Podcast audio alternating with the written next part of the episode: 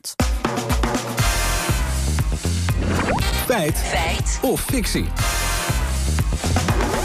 Blijven bij de natuur, Lammert. We gaan het hebben over mangrovenbossen en CO2. Ja, vanmorgen ging het bij de collega's van BNR over de klimaattop in Dubai. Fokko Vijselaar is algemeen directeur bij VNO-NCW...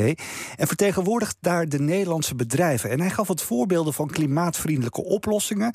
waar bedrijven dan mee komen, zoals deze. Wat ze bijvoorbeeld ook doen, is de mangrovenbossen aanleggen... die vijf tot tien keer zoveel CO2 opnemen als normale bossen. Nou, vijf tot tien keer zoveel CO2. Ja, ongelooflijk. Meteen aanleg op de Veluwe, zou ik zeggen. Het is nogal wat, dus we zochten het uit. Om te beginnen vroegen we aan Dolfie de Bro...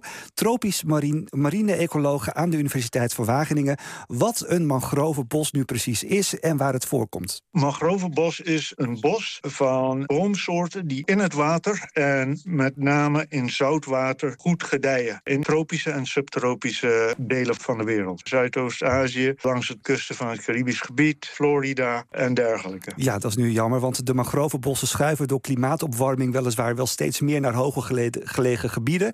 Maar in ons koud kikkerlandje gedijen ze nog niet. Nou, en die CO2-opname, hoe gaat dat dan? Ja, bij mangroves gebeurt dat op twee manieren, vertelt uh, Ralf Temming, ecoloog aan de Universiteit Utrecht, namelijk boven en onder de grond. Mangrovenbossen die nemen CO2 op door de fotosynthese, dus eigenlijk door eh, licht om te zetten in de mangrovenboom aan zich. Maar wat ze daarnaast ook doen is dat ze met hun wortels ook CO2 vastleggen wat in het water in de vorm van deeltjes, hè, plantenresten, leggen ze vast en dat wordt dan vastgehouden in de bodem. Dus op die manier heb je echt uh, meerdere schijven eigenlijk. Ja, dubbel zo effectief dus. De mangrovenbossen nemen CO2 op uit de lucht en houden CO2 vast in de grond die ze uit het water halen. Nou, dat is allemaal goed en best. Maar nou ben ik benieuwd of ze inderdaad zoveel meer CO2 opnemen dan gewone bossen. Ja, vijf tot tien keer zoveel is dat echt zo. We legden het voor aan ecoloog Temmink. En let op, hij plaatst een belangrijke kanttekening.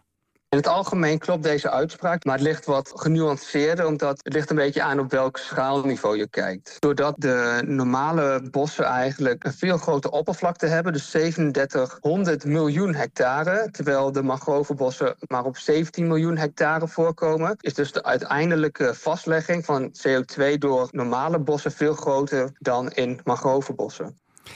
Ja, mangroves hebben dus weliswaar een grotere capaciteit om CO2 op te nemen, maar gewone bossen komen wereldwijd simpelweg meer voor en hebben daarom dus meer impact. Ja, en, maar dat aanplanten dan van mangroves, hè, zoals dat ene bedrijf dan van plan is, is dat dan wel zinvol? Ja, absoluut. Bijplanten helpt, maar als we echt iets willen doen aan die CO2-opname, dan kunnen we ons volgens onderzoeker Dolfi beter richten op het behoud van mangrovenbossen.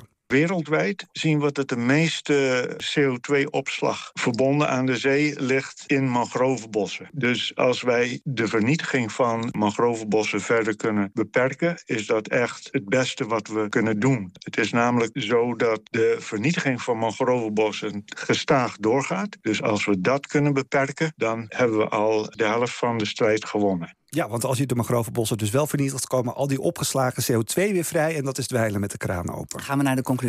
Ja, volgens Vijselaar van VNO-NCW nemen mangrovenbossen 5 tot 10 keer meer CO2 op dan gewone bossen. Dat klopt. Maar de tropische plekken waar mangroves gedijen, die zijn helaas beperkt. Gewoon bos komt wereldwijd veel vaker voor, neemt in verhouding daarom dus meer CO2 op. En we kunnen ons daarom beter richten op het behoud van mangroves, zodat CO2 niet onnodig vrijkomt. Maar de uitspraak is een feit.